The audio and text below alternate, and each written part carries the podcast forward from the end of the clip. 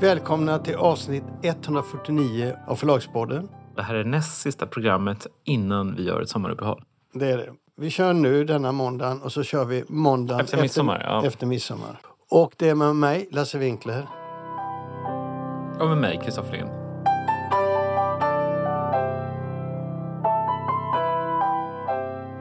Precis nu när vi spelar in här, mitt i veckan eh, innan vi sänder, så kom Svensk Bokhandel med en artikel om, och egentligen vet jag inte varför man har den, men den heter Därför spekuleras det i utköp av Storytel från börsen.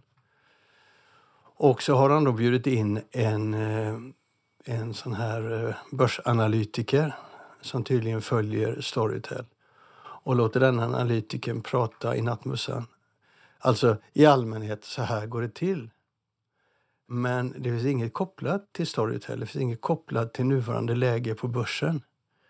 Utan det är bara snack om att så här gör man om ett övervärderat eh, företag och så här gör man om det är ett undervärderat företag. Det är liksom blaha blaha tycker jag. Ja, lite kopplat är det väl, men, men eh, det är ganska mycket allmänt, det håller jag med om. Du reagerar rätt starkt vad jag förstår.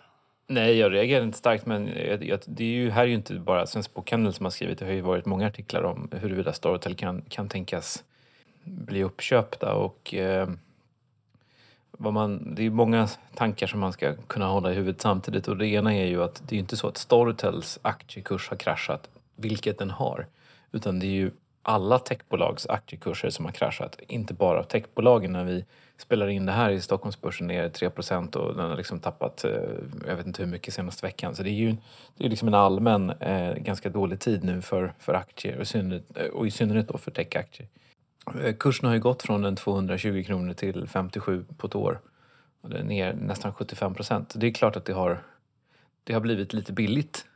Och det ökar ju möjligheten för ett, ett eventuellt uppköp. Men vad, och det är han ju också inne på i den här artikeln. Att de, de eh, huvudägarna i Storytel kommer ju inte vara intresserade av att sälja till en budpremie, alltså en, ett uppköpsbud som ligger ovanför kursen med kanske 30-40 procent, vilket annars är ganska vanligt. Utan här kommer man vilja ha så pass bra betalt. Så det talar emot ett eventuellt uppköp. Och vad som också talar emot ett eventuellt uppköp är att bolaget inte just nu behöver pengarna. Jag reagerar väldigt starkt på de här eh, artiklarna för precis av den orsakerna som du säger då att eh, det här är alla bolag som går ner och techbranschen har gått ner kollektivt. Och det gör ju att man ska se på en nedgång på ett helt annat sätt än om det var ett enskilt företag som har misslyckats. Det kan man inte säga om Storytel på det här läget. Mm, Nej, nej, det kan man inte säga. Sen har ju liksom eh, rent allmänt så har håsen kring techaktier och streamingbolag har ju gått ur lite grann. Sådär. Det är liksom, jag menar, Netflix har ju rasat enormt. Alla de stora amerikanska techaktierna har rasat enormt. För ett bolag som fortfarande befinner sig i en stark tillväxtfas så är det kanske inte börsmiljön just nu så attraktiv. Och det talar ju för ett utköp. Men vad tror du? Den låga kursen eh, å ena sidan då gör ju att bolaget blir billigt men det ju talar skulle jag säga å andra sidan starkt emot ett eh, uppköp. Jag tror inte att man är intresserad av att sälja bolaget eh, så här billigt och eh, bolaget kommer ju, Storytel kommer ju oavsett hur aktiekursen utvecklas att vara ett betydligt större bolag om fem år så jag tror inte på det just nu. Men sen vet man ju inte vad som händer och, och det är ju väldigt volatilt just nu på, på börsen. Och Tittar man då på Boktugg så reagerar de innan den här artikeln i Svensk Bokhandel så reagerade de på att Spotify skulle kunna vara intresserade av att köpa upp Storytel i dagens läge. Mot bakgrund av att det pågår, de säger också det att det pågår massa snack om eh, att Storytel kan köpas upp. Ja, alltså jag är inte mer kvalificerad än någon annan än att gissa om det. Men eh, det, det, har- den, det, har man ju, det har man ju spekulerat i tidigare och vad som har gjort det kanske då mer aktuellt nu det är ju att Spotify har uttryckt en, eh, ett mycket större intresse för ljudboksmarknaden än vad man har gjort tidigare. Men vad, jag tycker fortfarande är det lite för mycket som talar emot det. Och det i första hand så tycker jag att liksom om, om Spotify vill göra ljudböcker så är ju fortfarande Storytel en så pass liten aktör så frågan är varför de inte ska göra det själva. De kan lika gärna starta en egen ljudbokstjänst och det verkar som att de har sådana tankar men det kommer ju bli svårare för dem med betalningsmodellen och sådär. De måste ju, det stora för dem är nog inte det rent tekniska utan det stora är väl att hitta en modell som de stora amerikanska framförallt och brittiska förlagen kan gå med på. De ersättningar som Spotify erbjuder är ju så otroligt låga så att eh, det finns liksom, jag vet inte hur de skulle få till rättigheterna liksom. Och då kommer vi in på en liten bisak i förhållande till det vi har pratat om nu men som berör de här företagen. Vi fick ett eh, ett mejl från en av våra trogna lyssnare, en av våra väldigt trognaste lyssnare som ville diskutera läget för Förlagspodden just nu. Lyssnaren tror att det är stor risk att publiken går in på andra aktörer som Boktugg och Svensk Bokhandel för att orientera sig om inte vi hänger med bättre än vad vi har gjort när det gäller Spotify och ljudböcker och, och så. Och vi har varit tyst, säger, eh, säger vår eh, trogna lyssnare. Och nu är det sanningens ögonblick för oss. Han tycker då att vi tiger ihjäl ett öppet och frejdigt ärligt diskuterande som finns i Boktugg. Och jag blev lite förvånad när jag såg det mejlet. Så tänkte jag, vi ser nog lite olika på vad vi gör, våra trogna lyssnare och jag i alla fall. Därför att jag såg ju vad som hände med Spotify i media i veckan. Och jag eh, läste en massa artiklar utifrån att Daniel Ek, en av eh, storägarna och eh, chefen på Eh, Spotify, hade gått ut på en investerardag och sagt att de ska satsa på ljudböcker.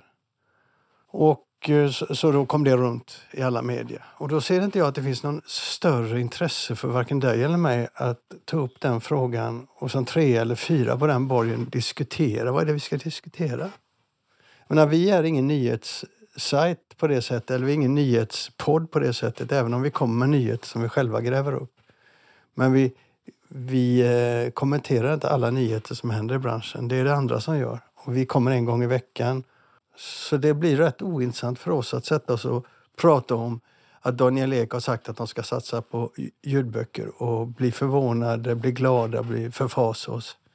Jag tycker, egentligen tycker jag att det är rätt ointressant till vi ser om de hittar en affärsmodell som fungerar. Mm. Som du sa alldeles nyss, de kan inte använda den de har idag. Den blir fullständigt ointressant. För finns ingen som går från få ett par kronor ersättning för varje lyssning till ett par ören. det finns ju ingen poäng i världen att göra det. Nej. Och i synnerhet inte på en marknad som redan fungerar, till exempel amerikanska, den engelska, den svenska. Så att, eh, det finns saker att säga om det sen när vi vet vad de gör, men innan dess är det ointressant. Liksom den här artikeln om Amazon, att de ska börja köra drönartrafik, eh, leverera, leverera varor med drönare. Okej, okay, det, det, kan vara intressant när vi vet mer, inte, inte det att de har sagt att de ska börja om ett halvår. Nej. För det är inte första gången de säger det. Nej, nej visst. Nej, men vi är ju en kommenterande podd och då måste vi ju ha, känna att vi har något att tillföra. Och det, vi har ju inte något att tillföra på varje nyhet som kommer. Så de som ser oss som en ren nyhetspodd då och tror att vi ska eh, gå in i varandra samtal som finns, de får ju göra besvikna och säga att det är inte riktigt vår roll.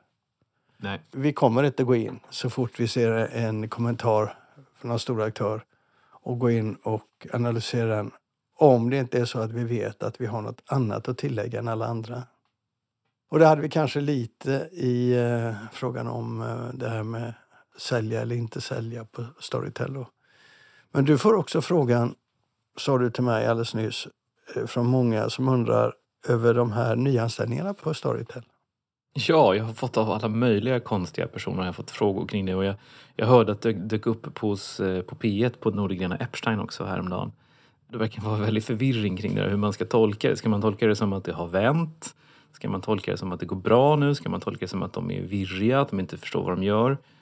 För det första är det ju inte så att det plötsligt går dåligt utan det är ju bara det att liksom, det har blivit pyspunka på aktien och eh, liksom, det, det, är inte samma fokus på tillväxt som det har varit. Men man har skurit bort 150 tjänster eller någonting sånt där. Samtidigt så är man ju ett bolag som växer och man går in på nya marknader. Man är på många marknader. Jag kommer inte ihåg om det är 23 eller om det är 26. Men om man, om man tar bort lite overhead och lite, skära lite grann så är det ju helt ofrånkomligt i ett sånt, sånt växande bolag att man behöver kanske komplettera. Man saknar en kompetens här, man saknar en kompetens där. Så det är liksom inget det finns inget motsägelsefullt i detta även om det kan te sig motsägelsefullt. Det är helt naturligt att man både skär ner och växlar upp samtidigt. Du hade någonting som du ville snacka om och det gäller releaseparty för författare. Mm. Precis. Jag har funderat lite grann kring det och eh, pratat med det om det, kring, om, om det med mina kollegor och inte bara mina kollegor på förlaget utan också på andra förlag. Och vår känsla är att det har aldrig varit så mycket releasefester som det har varit nu. Och det kan ju naturligtvis vara en pandemieffekt att man har det för att man inte kunnat ha det på länge. Men om man drar ut det lite grann, sådär, tittar på det på 15-20 års tid så är känslan att det har skett en förändring kring hur releasefesterna fungerar och hur författarna tänker kring releasefesterna. Nämligen? Nämligen att det har blivit mycket mer. För 15-20 år sedan så hade man kanske en releasefest ibland. Alltså när det kom, man skrev böcker så var det liksom inte så att man, man skrev en bok om året, vilket var mycket ovanligare för så eh, hade man inte releasefest för varje bok utan man kanske hade för var femte bok eller något sånt där. Och att det var det fanns, precis som namnet antyder, en, en ambition att man skulle liksom försöka lansera boken på festen och man bjöd in bokhandlare och inköpare och kanske journalister och kritiker och sådär. Och de kom inte i någon stor utsträckning men det var alltid någon sådär som kom. Medan det idag har blivit nästan uteslutande så att det är författarens kompisar och författarkollegor och eh, att det är liksom en, en grupp av personer som går runt på varandras fester. Det är två helt olika saker med andra ord. Ja, jag upplever det, att det är lite olika saker. Ehm, jag har ju tidigare dissat massa saker som, som, är, som, som inte ger någonting. Liksom, som jag säger, det där ger ingenting, driver inte försäljning och sådär. Och det finns ju få saker som är så meningslösa som en releasefest. Men sen är det ju som vi brukar säga, det är en jättebra anledning till att ha en fest, att det kommer en bok. Det är verkligen ett, ett bra skäl till att ordna en bok. Men förlaget har väldigt lite att vinna på att ordna den festen så att säga. Utan det är ju någonting som, som mer och mer har liksom blivit en, en angelägenhet för författarens kompisar. Det har duggat tätt bland releasefesterna de senaste veckorna och en förlagschef som jag pratar med säger att det är, förlaget håller på att gå under för att det är för mycket releasefester. Eh, så det, förlagen har ju lite olika inställning också till detta och det är inte alltid klart liksom om det är förlaget som ska ordna festen, om det är författaren som ska ordna festen och liksom hur upplägget ser ut. Så det är en förskjutning i betydelsen av releasefesterna som du tittar på och du undrar, ska vi hålla på med det här i framtiden eller tar jag i nu? Nej, alltså de har alltid haft en liten betydelse men betydelsen har minskat. Förlagen har tidigare kunnat hantera det genom att hanka sig fram men nu börjar det bli ohållbart. Det är min känsla, att det liksom har exploderat. Att liksom det är jättemånga författare som vill ha releasefest för varje bok. Och det pallar inte förlagen med. Det är spaningen. Det är spaningen. Eh, och innehåller spaningen någon form av lösning? Eller en tanke om en lösning? Lösningen är väl, och det är väl redan vad som håller på att ske, att releasefester är en, mer en privat angelägenhet för författaren och författarens kompisar och något som, som ligger utanför förlagets marknadsplanering. Sen gör ju förlaget det ibland av ren författarvård men, men eh, det, det, är uppenbart att, att förlags, releasefesterna har aldrig haft sån liten betydelse som de har idag. Det här kan också vara en Stockholmsgrej. Vet, är det mycket releasefester i Göteborg? Nej, nästan aldrig. Jag berättade om en som var men den var ju riktad till bokhandeln och till media. Ja, men det var väl mer en, ett bokevent, liksom en, en bokpresentation och sådär? Ja, det var det. Det kan man nog säga. Det var ett bokevent. Men det kändes som gamla tiders releasefester. Ja, just det. Det gjorde det faktiskt. Man, man skulle ju kunna tänka sig att det, det också just i Stockholm då har gått inflation. Att det liksom, eh, att det, om man bjöd in till en, en releasefest i Malmö eller Göteborg så skulle man kunna tänka sig att man, bokhandlare kanske skulle tycka det var kul medan de här, de här är så trötta på det så att eh, det är ingen som, ingen som vill gå. Vi har en författare som heter Lars Gyllenhaal som har givit ut ett antal böcker på Lind Company och han bor i Rosvik utanför Luleå. Och han brukar ordna en eh, träff där uppe i Luleå där han bjuder in lite media och sådär.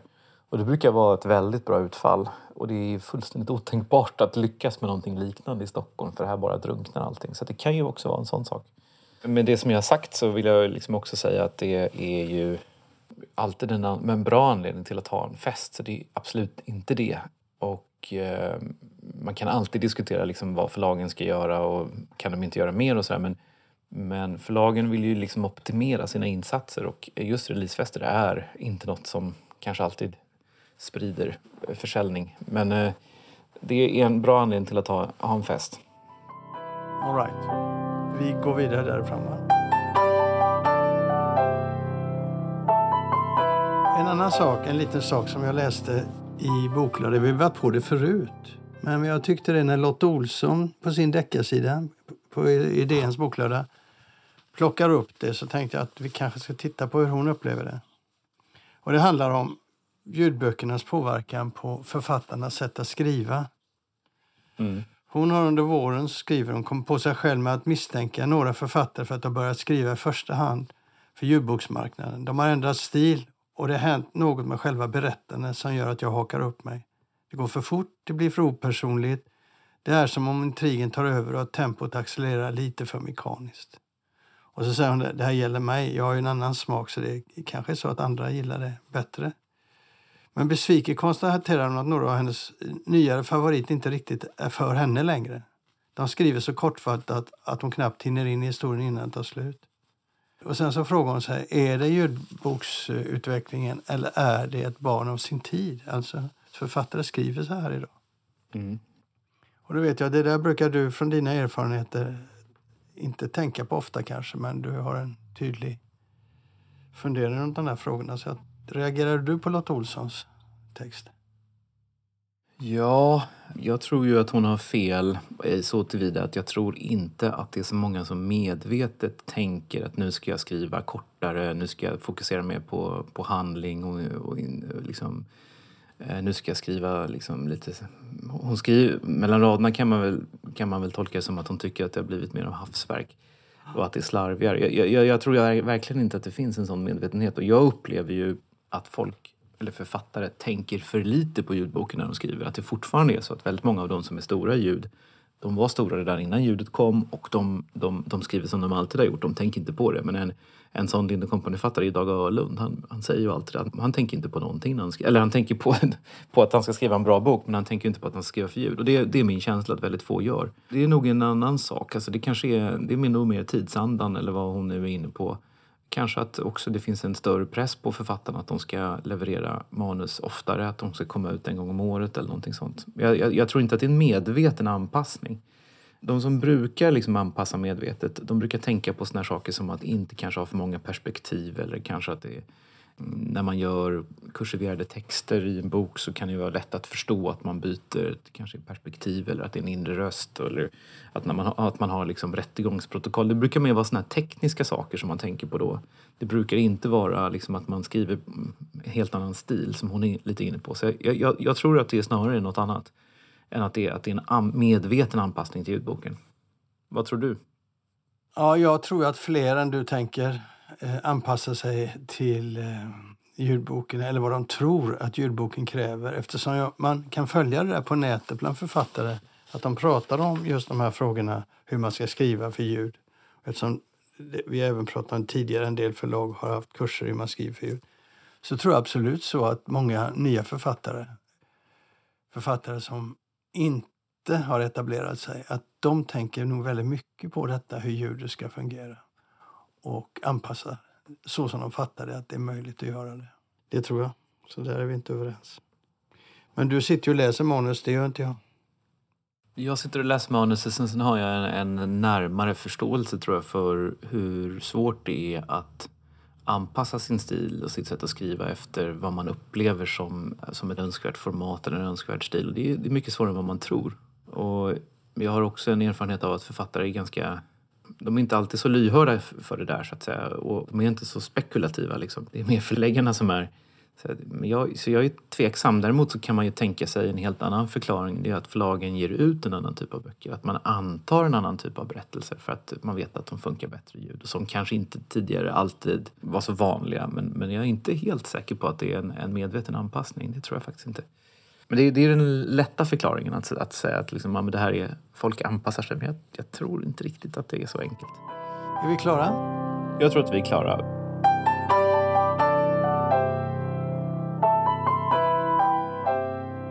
Ja, Jonas Axelsson. Vi ska prata rea. Och när jag frågade dig och du sa att eh, du har synpunkter på rean, då blev jag lycklig. För jag tillhör ju antagligen minoriteten i branschen, om jag nu får räkna mig till branschen, som tycker att rean ska skrotas. Helt och hållet? Ja. Men det behöver inte vara din syn. Utan du ska nu berätta för mig vad du har för tankar om rean. Jag tror att rean inte går att skrota helt och hållet av olika skäl. Men det är kanske inte är det mest relevanta. Frågan är, kan vi ha det som vi har det med en rea som startar i slutet av februari? Jag tycker inte det. Det har hänt alldeles för mycket på olika sätt som gör det ohållbart. Så ska du nu berätta för oss andra var du, varför det är så. Varför du tycker så.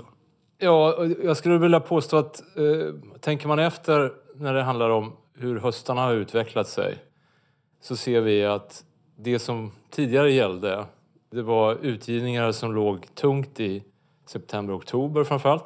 Dessutom var, fanns det en fokusering på att bokrean var en separat företeelse som inte riktigt berörde höstutgivningen, nyhetsutgivningen då. Men sen vet ju vi alla att någonting har skett och den riktigt sena utgivningen på hösten, den som kommer till och med i november, den är mest intressant oftast för bokrean, den så kallade russinföreteelsen. Vad är russinföreteelse? Ja, det är väl en omskrivning för krydda. Vissa kallar det för reakryddan, säger jag av någon anledning. Jag tycker att, att eh, det här är ett jättebekymmer av, av flera olika skäl. Vi hade inte Black Friday, vi hade inte Black Week tidigare. Det har vi idag. Vi har en onlinehandel som också påverkar köpbeteenden i väldigt stor utsträckning. Vi landar i, som det ser ut, en nedvärdering av bokens värde väldigt kraftfullt. Det blir en sorts bokfest i en vecka för bokhandeln. Viss bokhandel kan man säga. Det räcker inte som motiv till att ha en bokrea i slutet av februari. Jag föreslår att vi flyttar bokrean till maj, där vi står nu när vi gör den här intervjun, ungefär. En vecka innan Kristi him. Därför att då laddar vi på inför alla presenter som ska köpas inför kampanjen inför sommaren och så vidare. Jag tror faktiskt det är mer intressant i, även i, i ett förhållande till nyheter och så vidare. Jag skulle ju älska om, om bokrean egentligen var 20-30 procent av bokhandelns utbud och att vi började titta igen på förlagens lager och så vidare och släppte det här med kryddtänkandet. Därför att jag tror att vi är på väg till någonting ohållbart och vi börjar så att säga, vi bara bli trötta när det gäller hantering av fysiska böcker. Och det, det, funkar ju inte. Vi kan inte ha en, en bokmarknad där den fysiska boken är urholkad och vi har en konstig attityd till den. Och då kanske man ska säga till lyssnarna här nu då att de här kryddorna det är ju de här storsäljarna som kommer hösten, till och med slutet av hösten och som säljer bäst. De dyker upp två månader senare på rean till halva priset, mindre än halva priset. Och folk som har köpt den i julhandeln då kan och blir ofta väldigt irriterade när de ser att boken strax efteråt blir de säkert det, men jag tycker inte ens det behövs som, som argument i sammanhanget. Utan det handlar om, eh, ur förlagsperspektiv, så när vi presenterar våra nyheter, och framförallt då senhösten så vet vi vid det här laget att den, en av de första frågorna vi får från återförsäljarna det är kan vi ha med den på bokrean? Eh, vad har vi för mellanskillnadskreditering som det heter eh, på den? Vilket betyder att vi kan köpa lite fler om vi får behålla dem och sänka priset på dem automatiskt. Det är ett absurt eh, resonemang att sitta i när du ska lansera någonting stort som ofta är förlagsavgörande numera. De stora böckerna kommer sent. Det har blivit så. Vi är baktunga i, i branschen. Också därför att vi ser att allting går mycket fortare och folk bestämmer sig så att säga, senare överlag av olika skäl. Det här, vi, vi så att säga, skjuter oss själva i foten genom att acceptera den här utvecklingen. Och jag tror att ett vettigt resonemang om att göra något radikalt skulle kunna föda något gott med sig. Vad man måste tänka på som förlag då är ju, och även bokhandel, det är ju liksom årscykeln för böcker. Och när du funderar på hur den ser ut då, och det vet inte alla lyssnare hur, hur, hur tätt böcker kommer olika delar av året, men vi kan släppa det just här. Du ser maj som en månad där det finns utrymme för en rea? Och skälet där, det beror inte bara på att vi behöver hantera våra nyheter på ett sådant sätt så att de får så att leva vidare till det värde de har och att vi inte får den här hetsen och fixeringen vid att vi rear lika fort som kläder eller vad det nu kan vara. Det handlar också om att kunna lansera nya böcker i början på året. De har blivit klämda som det är idag. Det är otroligt svårt att ta sådana beslut på ett vettigt sätt.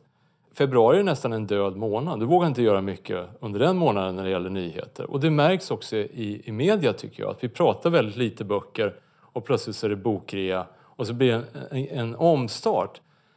Och vi, vi, får liksom en trängsel någonstans istället för att vi kunna utnyttja kalendern på ett bättre sätt. För jag tror att det går att sälja nyheter. Det är väl det jag vill påstå. Ja, men tidigare så sa kunskapen oss att du kan inte ge ut böcker i januari på grund av rea. Nu vet vi att det går. Ja, precis. Och jag tycker också att vi ska lyfta blicken lite grann och titta på hur gör omvärlden?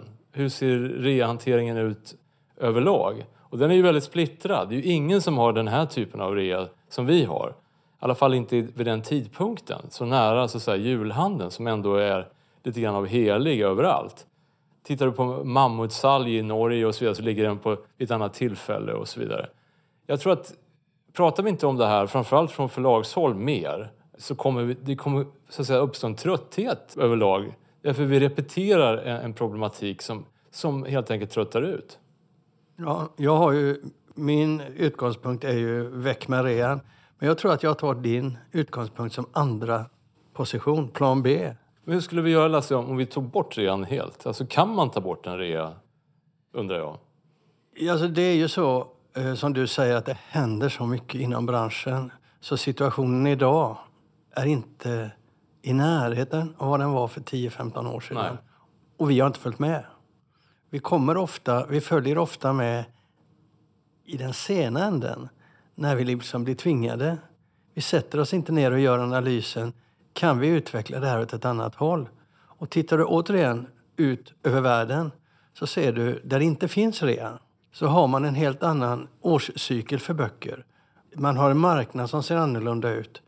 Och bokhandeln ser annorlunda ut. Därför att de arbetar med böcker på ett annat sätt när de inte rear ut dem utan de säljer dem genom bokhandeln. Då blir liksom backlist något annat.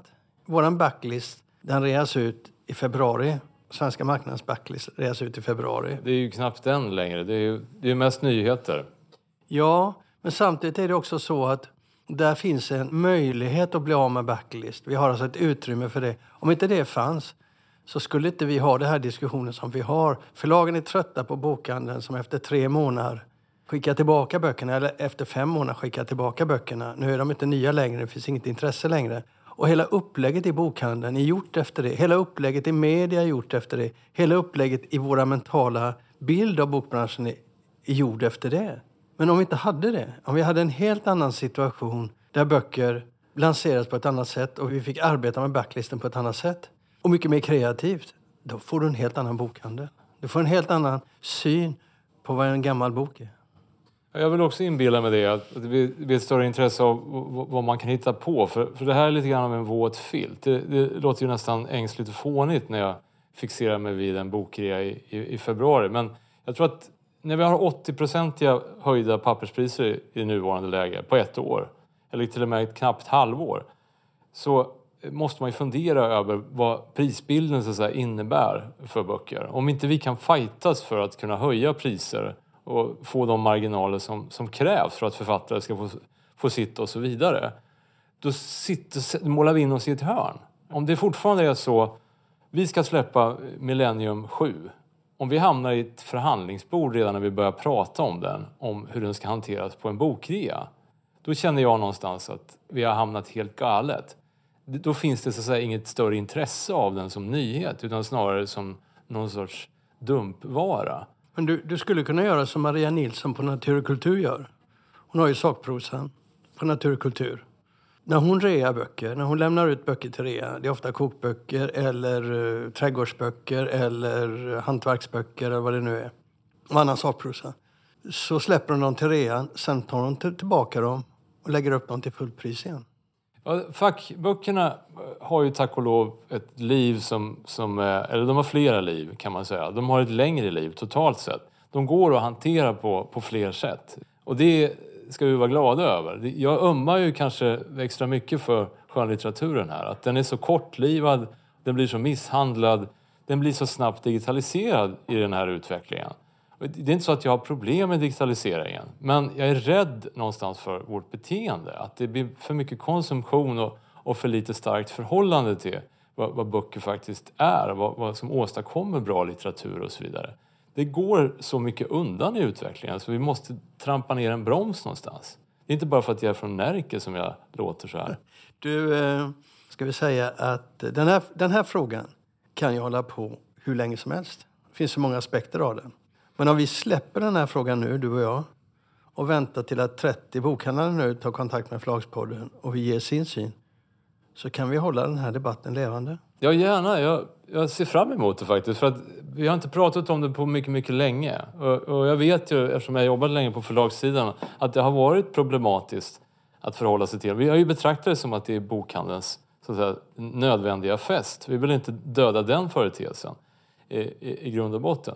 Men när det händer det som har hänt nu de senaste veckorna, att vi börjar prata om att vi inte ska ha en pocketprisgruppering kvar på böckerna utan det ska flöda fritt när det gäller priser där. Så tror jag även hanteringen när de här böckerna kommer i pocketformat och, och så vidare kanske är på väg i, i en riktning som gör att det blir än mer problematiskt att känna att det finns en puls och en rytm i utgivningen. Vi får inte glömma bort någonstans att läsarna är ju otroligt nödvändiga att ha ett förhållande till. Hur vill de att det ska fungera i grund och botten? Vi vill inte att de ska bli mer intresserade av abonnemangstjänster än av bokhandeln. Där får vi inte vara. Det där blir den eh, brandfacklan vi kastar in i debatten nu, denna gången. Du får, gärna komma till, du får gärna komma tillbaka. Jag hoppas att det här blir en debatt som vi kan föra. Och så får du komma tillbaka. Yes. Bra.